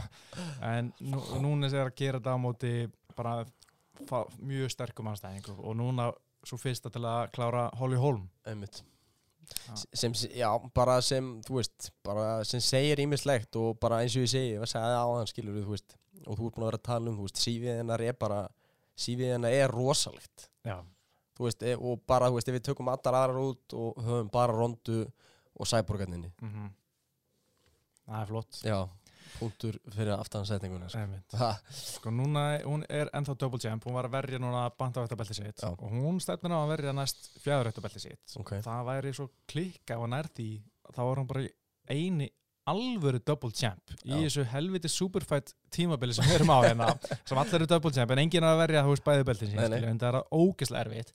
En ég held að einhver getur það og getur það núnis bara í fyrsta lagi út af því að það er ekkert um að vera í fjæðarvitt og Nei. það bara kíkja þar upp kannski einu svona árið eitthvað svo getur hann haldið sér bara í bandhættinni. Þetta er ekki eins og að fara þú veist það séu áskorundur eftir áskorunda skilju í báðum flokku bara hvenar ætlar þú að verja beltið þitt?" skilju Já, já, bara einmitt, eitthvað brjálaði en þú veist hún getur hún fer nú vandalega í fjæðarveit og vandalega á móti Cyborg. Ég meina Cyborg er að fara á móti Felicia Spencer núna í lók júli já, já, og ég gerum bara á að Cyborg valdi yfir hennar þeim hún sé bara algjörlega brotin, ég Já. veit það ekki. það var mjög gaman að sjá nýtt eitthvað nýtt og verst, þú veist Spencer á móti Núnes, ég veit ekki. En, hérna, en þú veist ég gerum bara á að Cyborg vinni þar. Og þá held ég, þú veist ég gef alveg Cyborg góðan sens í rematch eða endur addi gegn Núnes, því að ég meina Cyborg er miklu betri en hún, veist, hún er ósað tæknileg, hún getur verið tæknileg bara að vinna með stunguna, kannski ná klinsunu aðeins að resla, þreita Núnes. Getur alveg komið inn með gott gameplan og unni Núnes. En ég bara, ég vona að gera það ef hún vinnur, vinnur hérna, Spencer. En mér finnst samt, það væri samt mér langar alveg að halda mig núna ég mér langar að sjá hann að vera double champ for real, þú veist. Já, einmitt Ég meina, ég er 100% sammálaður Ég held að, þú veist, eh, ef að það verður raunin sem að ég held að sé svona 99,8% Já. líkur að það berist aftur um, það verður öðruvísi bardagi, alveg Mhm. klálega og ég meina, þú veist þú veist þú sagt að, sagt að við með áður ef að hérna, hérna eða munu, munu berjast aftur þú veist, þá er þetta aftur eftir að tippa á Cyborg og ég held Já. ég sé alveg á sama hatti líka sko, Já. þú veist, ég þú veist, með, með annað gameplan með kannski, þú veist aðeins meiri ró, þú veist þetta verður annar bardagi Já, en svo bara, þú veist, ég veit það ekki. Hún er bara búin að vera svo fokkin dominant Amanda Nunes, að maður einhvern veginn maður hefur svo sem séð þetta áður skilur þú veist bara, þú veist, með Mouse og, og, og fleiri, þú veist, maður, maður sér þetta lið ekki tapa rondu, sem Nei, það er með, þú veist, maður sér þetta lið ekki tapa en svo Já. gerist það skilur já, og það geti vel gæst í, í rímatunni ég er hundur bara samanlegaður að það væri gaman að sjá hann að vera double champ for real. Já, nákvæmlega sko. en uh, nú er alveg spurning hvað Holly Holm gerir, hún er orðin, orðin hvað? Hiss. Hiss! Hún mun hissa sig eh, fyrir næsta skref, Já, hvað sem hvað það verður en hérna, hún, hún er alltaf orðin 37 ára gömul og búin að tapa hvað tveimur að síðustu, hún er 2-5 með eitthvað í síðustu síðustu sjö barndagum skilur og Já. sem er nú ekkert stórkostlega flottur árangur en, en ég menna, mann hún veist, ég ætla hann ekkert heyrt neitt frá henni. Veist, hún, ekki það hún sé hafa samband um mig en hún er ekkert eitthvað komið eh, sendi eitthvað frá sér á Instagram svo ég viti og einhverja tilkynningum og hann að gera hitt og þetta. Og hérna, maður veit ekki framaldið sko. En ég, en að Deina Vætar í að því að hann ætti ekki að ekki sé hætt þegar hún orðið 37 er samt ennþá í dundurformi. En þú veist, ég er alveg til að sjá hann að halda fram en hún, mér langar ekki að sjá hann í fleiri titlibartum fyrir hún veist, það er ekki svona þrjá barðarið bara senda hana bara aftast í rauðina bara heyri, Já. nú áttu þú bara að vinna þig aftur upp að ég held að það væri bara gaman að sjá hana á móti, þú veist, bæði að hætta að nota hana til þess að byggja upp nýna upp mhm, og fá hana til þess að ná smá sjálfströmstöði tilbaka Já. og kannski ná smá vinnstrík að sigugöngu ef hún er ennþá svona góð í að berjast eða það er allar bestu sko já, já, ekki spurning og þú veist, það er auðvitað verið svona hérna maður er búin að vera með svolítið súrt bræðið mununum einhvern veginn eh, eftir marga bardaði hjá henni, þú veist mm. bara sem dæmi German Derandamey og, og hérna mm, Mishu Tate, Já. þú veist svona bardaðar það sem að e, þú veist svona bardaðar sem maður eh, hefði alveg vilja sjá hann að sigra og hún var bara Mhm. góður í leið með að sigra báða þessa bardaðar og, og sem er auðvitað sem er auðvitað ákveðið svekkilsi því að í staðin er hún þú veist, 2-5 í staðin fyrir hún gæti verið ég er ekki góður í starffræðin, hún verið hún gæti verið með rekordöðina gæti verið betra og sjálfstöðstöðina gæti verið meira já, já, og ég er alveg klálega búin að vera hérna, búin að vera á Holly, Holly Holm-vagnunum lengi. Eh, þú veist, við ekki það halið eftir hún, eftir hún tók hérna rondur á sig og pakkaði henni saman. En, en, en bara svona, já, þetta er svona þetta er, þetta er búið að vera hálsúrt fyrir hann einhvern veginn og, og, og hérna en ég er alveg sammálaðir, ég, ég held að hún þurfa bara að fara hérna, að fá sjálfströst í bankan og, og hérna, vinna sig aftur upp að hún fyrir að láta lemmi sig eitthvað meira sko. Já, ég man allan að sko, hún talaði um einhvern veginn að hún, hún er alltaf mjög stressuð fyrir barða að ef hún hérna, hættir á stressu þá má hún hætta, skilur ég með maður og hérna, ég er alveg til að sjá hún áfram en, en mér leiðist bara að sjá veist, ég vill ekki að vera eins og Frank Edgar fá bara titilbarta eftir titilbarta og ég á aldrei séns eins og Frank nei. Edgar, hann vinn, tapar alltaf rólur. Ekki, ekki, ekki gera lítið úr frangja Nei, hann bara vinnur ekki nei, það er bara það rétt. hann er svona Júra Febers minn maður líka, hvað er gangi? En ég, þú veist, mér finnst núna, nei, Holly Holm bara, bara flott kona, skilur, hún alltaf að tala um, veist, hún hefði getað að fara í Hollywood eftir Ronda Rousey-segrinn, hún sagði bara, Mm. ný, ég ætla bara að halda áfram að berjast hérna, Mm, ég, ég, virði það rosalega mikið, veist. Hún hefði getað verið í Expendables 10 Nákvæmlega, það er rosalegt maður. Hollywood bara banka dyrna, svo er þetta ekkert merkilegt. Expendables. Nei, nei. En uh, við tölum kannski, hérna, tölum núna um uh, Mr. Ralph Lauren, Rockhold og Luke Rockhold náttúrulega steinrótaður af Jan Blakowicz kjálkabrótin og þú veist í annarsinn grei, ég, veist, það, ég myndi vorkinn hann smá ef hann var ekki svo mikil dús já, ef hann var ekki svona ógæsla hrókafullur og leiðilegur þú veist, menn, hann var alltaf að tala um þú veist, hann myndi vinna og fara í John Jones og maður var spenntur fyrir því. Ég var rosalega spenntur fyrir því. En sko, ég, sko, þú ert að segja það en, en var einhver annar en hann að ta- var einhver annar en hann að tala um John Jones en hann sjálfur? Eða fattur hvað ég meina? Já, ég var enda mikið að tala um þetta. Já, ok. En það var kannski bara ég og Luke Rockhold okkur, var já, já. Það er alveg góða punktur sko. En Ég fattar hvað mér en, þú veist þetta er svo vandrarlegt ok, móti Jól Romero. Þá var hann uh, að vinna þá hvernig hann var rótar hann var að vinna þá hann tapaði, þú veist, eins og klassist og það er. Vann fyrstu tvælútunar en og móti Jan Blackwood hann var aldrei að vinna, þú veist, hann var bara bara dæm jafn og svo var hann steinrótaðir Ég, sko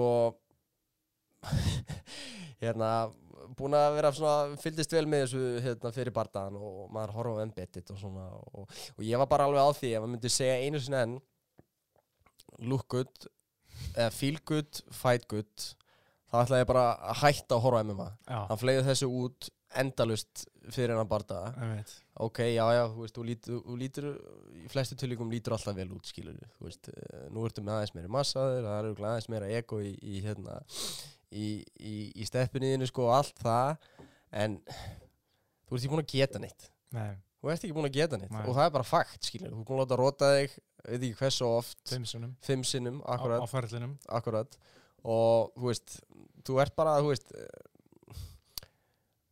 þú ert bara ofrókafullur og þú rýfur of mikinn kjaft og þú ert bara ekkert að baka upp. Nei. og ég held að svona turning point eða hans ferli hafi bara verið ángriðis bispingbardaginn Já, ég held að hann hafi bara ekkert jafnað sig eftir það. Nei, þú veist, þú veist hann var hræðilegur fyrir þann barda í öllum viðturum, kjössamlega hvað conceive, achieve, Eve, believe, já, og- shut the fuck up. Já, það var svo gott, sko, hann var bara tekin að lífið þar á Já. Michael Bisping sjátt á þetta hann. Já, en þú veist, já, það bara, þú veist eins og ég segi, þú veist, þetta var bara eitthvað ákveðu turning point hjá honum fyrir hann andlega held ég og Mhm. bara hann hefur ekkert jafnað sig og, veist, og ég veit bara ekkert hvort hann er eftir að jafna sig. Nei, með, nei. með, þú veist, með þetta allt saman einhvern veginn, með þetta allt saman. Já Bisping náttúrulega bara tók uh, Sálunas ég held að sé bara hægt að segja það það sko. rót að segja það. Og ég meina hann náttúrulega uh, Luke Rockhold, þú veist sko barða, þú veist, ég held að hann hafi verið með ákveða gameplay, ást, ákveða hann búin að hugsa þetta fyrir hvernig þetta myndi fara Já, en hvernig, byrja- fa en hvernig, hvernig, hvernig fannst þið samt gameplanið hans? Þú veist, ég veit ekki hvað hann ætlaði að gera veist, fyrir utan að, sko ég held náttúrulega að hann byrjaði að spamma þessi Já, og. Blackwoods virtist bara að verjast þeim öllum, skilur, ekki þægilegt þetta var alveg first spörk en hann var að verjast þeim svo fór, fór hann bara dein- beint í döbulögi var ekki nálega að ná hann niður og þá held ég að koma bara pínu panik. Bara, Já. fokk, þetta er miklu erfæri en ég bjóst við. Ég held að hann hafi haldið að þetta er bara auðvöldu fæta því hann er svo sakalega góðu fætir kampi gegn svo vel já, og hann er geggjær í já, sem hann sýnir aldrei, ég held að hann bara ætlað að fara back to his roots já. alltaf að taka niður og smassa hann í gólfinu.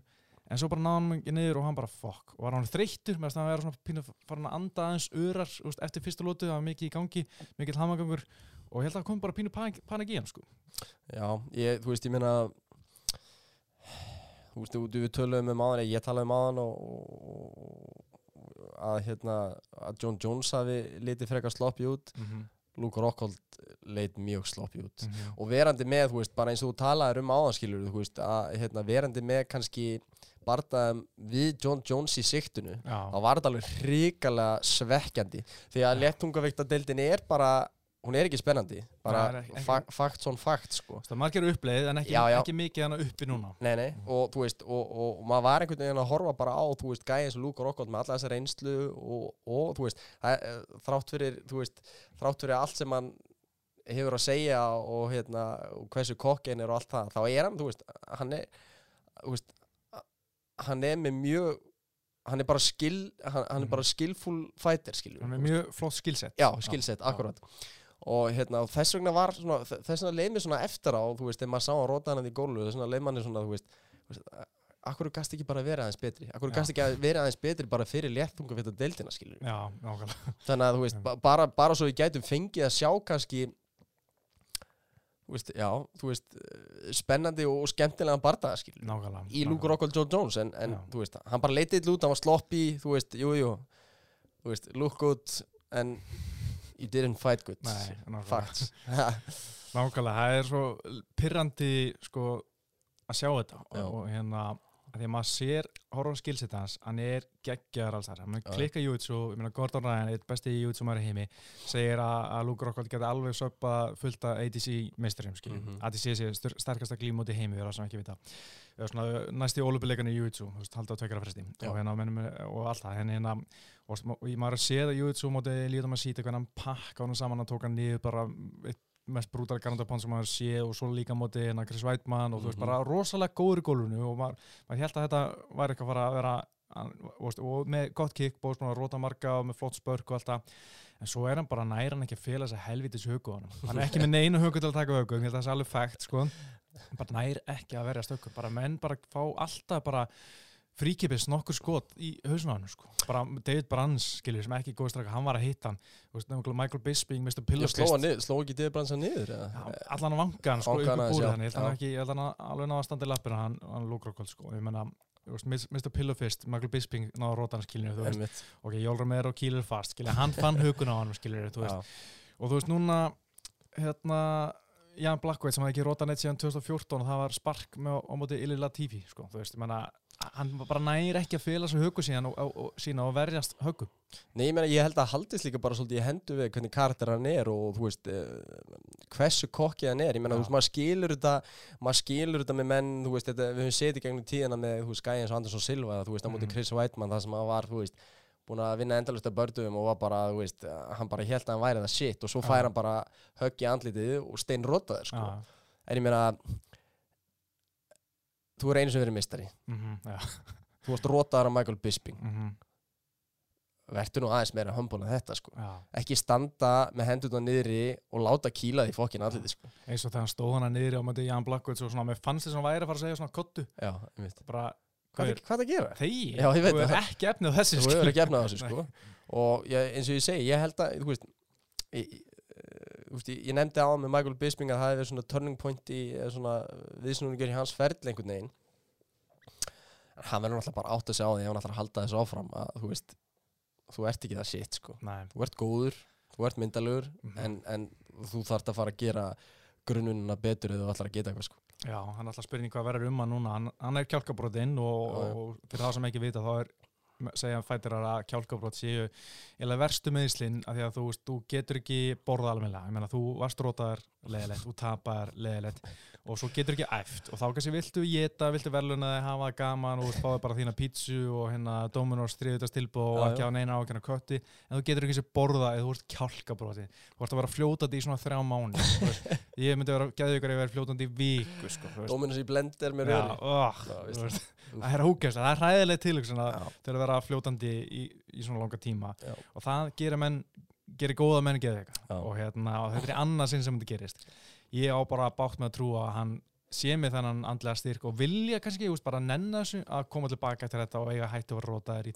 eh, í sjötta sinn og kjálkabrótin aftur kannski þannig ég held að hann, hann hætti bara já, já, ég meina, þú veist, e, þú veist hann er með gott gig hjá Ralf Lauren eða ekki? en ég vona þessi ennþá, ég menn hann á að fara myndatöku 20. júli hjá Ralf Lauren og ég veit ekki hvort hann getur farið í myndatöku kjálkabróti Já, hann er allan ekki að fara að brosa, ég get loðið því Nei. hann, þa- hann þarf að vinna með blue steel, það er, Já. það er alveg klárt En, já, já, mér, mér bara, þú veist Ég er bara sammálaðið, þú veist, ég Ég veit ekki alveg hvað er næst fyrir hann heldur skilur Nei. Þú veist, hvað ætlar hann að gera, ætlar hann að vera ennþá í light heavyweight Koma tilbaka, þú veist, hvað 2021 eða lók Ég 2020 hann var að berast eitt barða ári síðan 2015 sko. Já, einmitt. Þannig að, þú veist Ég veit það ekki, ég veit svo sem ekkert hvað hann að fá borga á Ralf Lauren en, en, en, en það eru örugglega ágætis skikk Ég meina, Já. Ég haldi bara áfram að vera fallegur og hérna, að njóta þess. Já, ég held samt sko að hérna, mótelbransin er erfur ekki að hefa reynslaðan skil, en hann er harður sko, kannski er hann bara í vesinni með að vera kjálkabrótinu bara er að vill ekki ráðan hann, þessi gæði mæti stundu bara kjálkabrótinu í myndatöku skil, Já, vilja það ekki? Já, já, kannski er hann bara að missa Ralf Lauren kiki, þú veist, núna, hver, ég veit það ekki. en það er samt sko ok, ég held að segja að sé pínu erfitt að vera Luke Rockhold í dag. Ok, hann er myndalör, hann á pening hann er, þú veist, með að vinna í drömmajöpunum sínu, skilju en fyrir Luke Rockhold held ég sé erfið dagar. Veist, hann var búin að tala um fyrir bardaðan þetta var auðvöldi bardaði, ég vil bara fá John Jones ég meina, Jan Blackwist er ekki mínu leveli.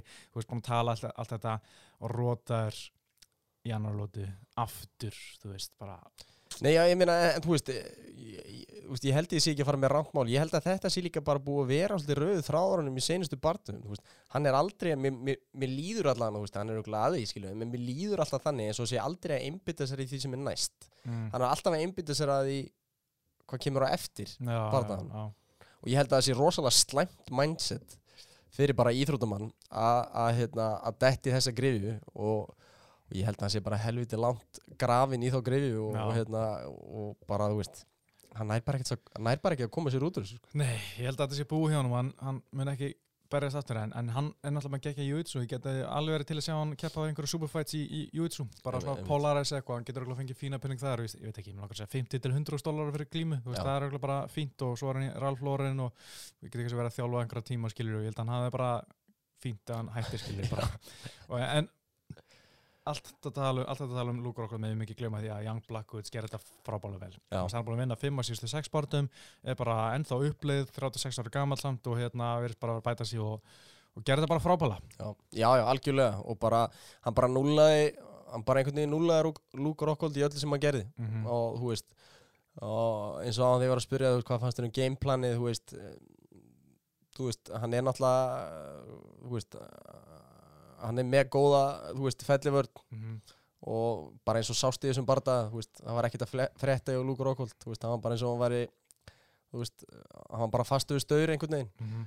og, og, og a, bara alveg korrekt hjá þér við, þú veist, við, við tökum ekkert af honum og, og hann gerir þetta bara mjög vel þú veist, hann bara, bara rólugur í öllum aðstæðum fannst mér Mhm. þú veist, hann var rólugur eh, þegar að Luke Rockhold var að sparkja hann, hann var rólugur þegar hann var að að taka niður og, Mhm. og, og svo bara svo bara eins, ein góð pólsk bomba og, og Ralf Lauren mótileg dætt í gólfið og, og hann er auðvitað ennþá að vakna upp núna.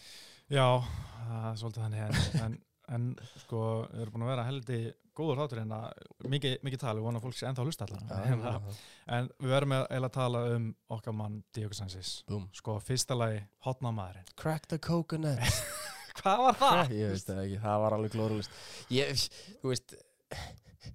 Sko, ok, bara fyrir það sem ekki vita var Diego Sanchez, hann hættir á Greg Jackson og Mike Winklejohn komin inn með eitthvað, eitthvað hotnamann sem hefur aldrei þjálfa auðvitsi barndamæður aldrei verið í hotnunni í MMA og er bara mættur hann auðvitsi Mr. Josh Fabia uh, og þú veist, sem er einhver hann er með School of Self-Awareness og er healer og bara eitthvað svona, eitthvað svona bu- bullshit guy, maður sér bara langalegir já. þetta er bullshit guy og hann bara mættur hann með Diego Sanchez í auðvitsi á main kartinu, þú veist þar það er bíla gott gig. En ég meina þú veist þetta, þetta auðvitað lýsir í svolítið þú veist um, þetta lýsir auðvitað Diego Sanchez sem karakter alveg helli sko, veist, hann er náttúrulega alveg guðuruglaður sko. algjörlega. Og hérna og þú veist eh, það er engin annar en hann sem myndi púla eitthvað svona skil og þú veist eh, maður hefur auðvitað gegnum tíðina haft bara áhyggjur á honum bara andlega sko já. og, og það breytist lítið við þessa ákvörun en hérna þetta var auðvitað bara stórfyrirlegt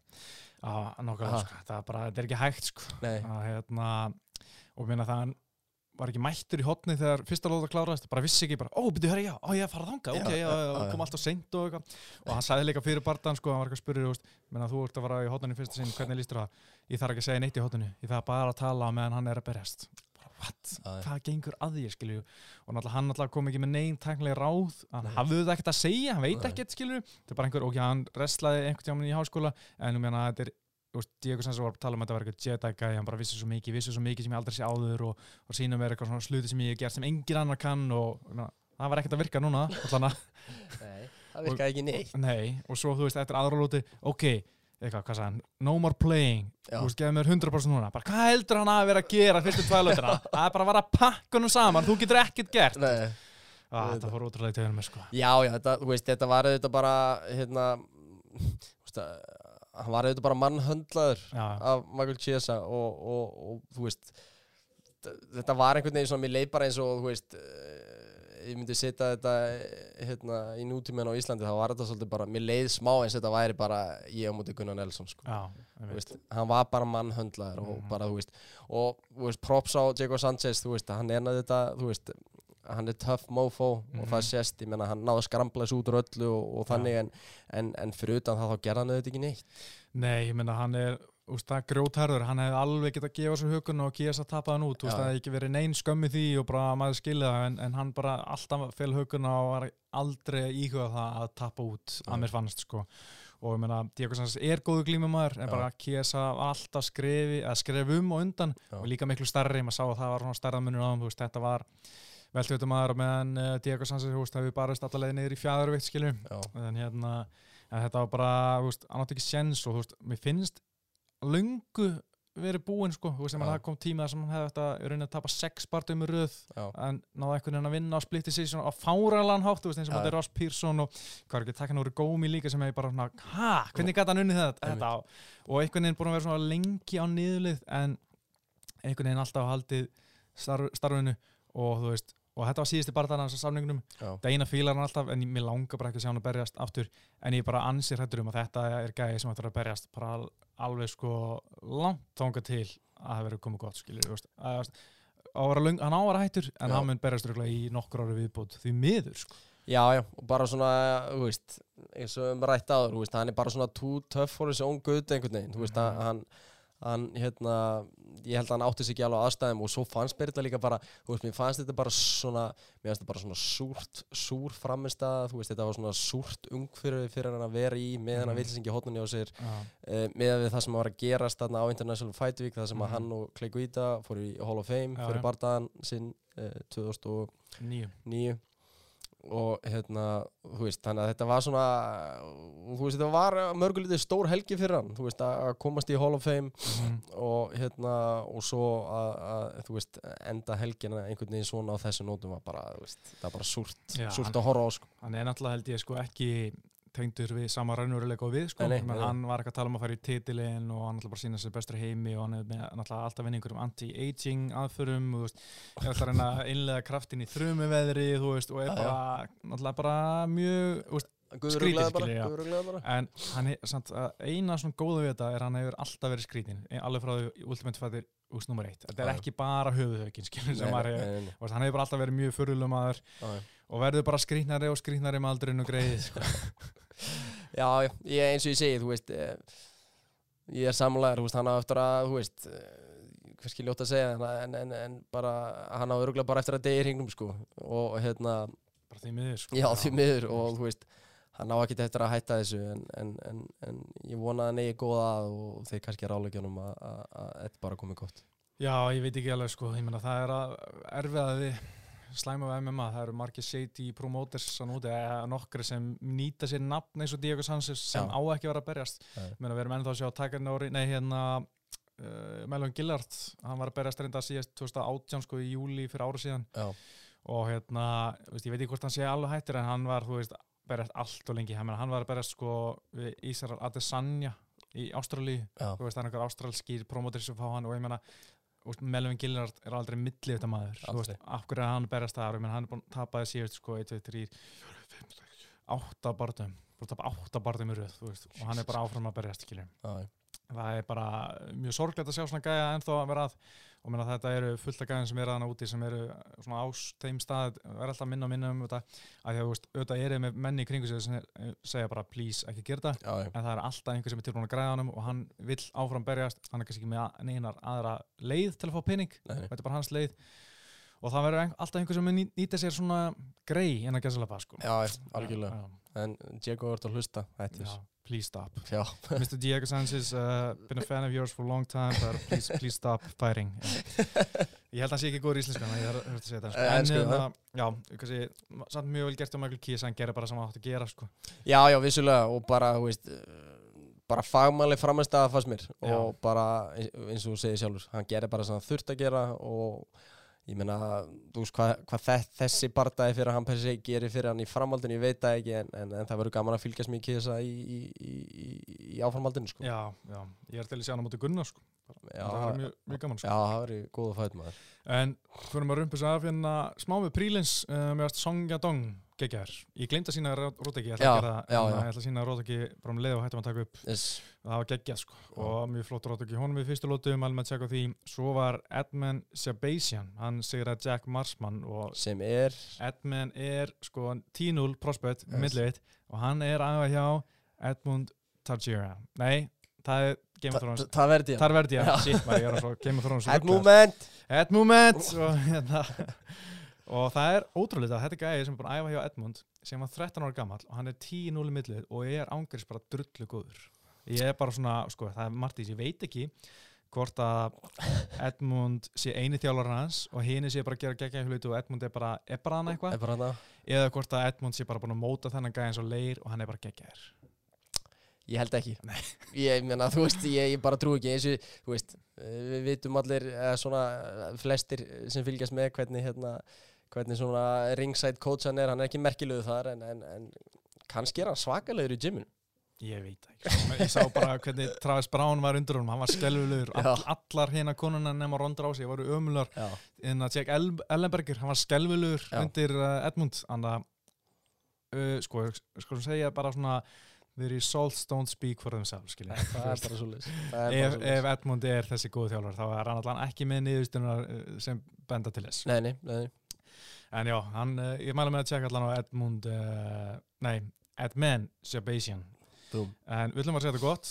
Búið að mjög skemmtilegt. Vona því að gaman þessu uh, Áskir Börgur Áskir takk fyrir komuna. Já, takk fyrir mig. Eh, Ég heiti Pétur, þakka fyrir árðana og verið sæl.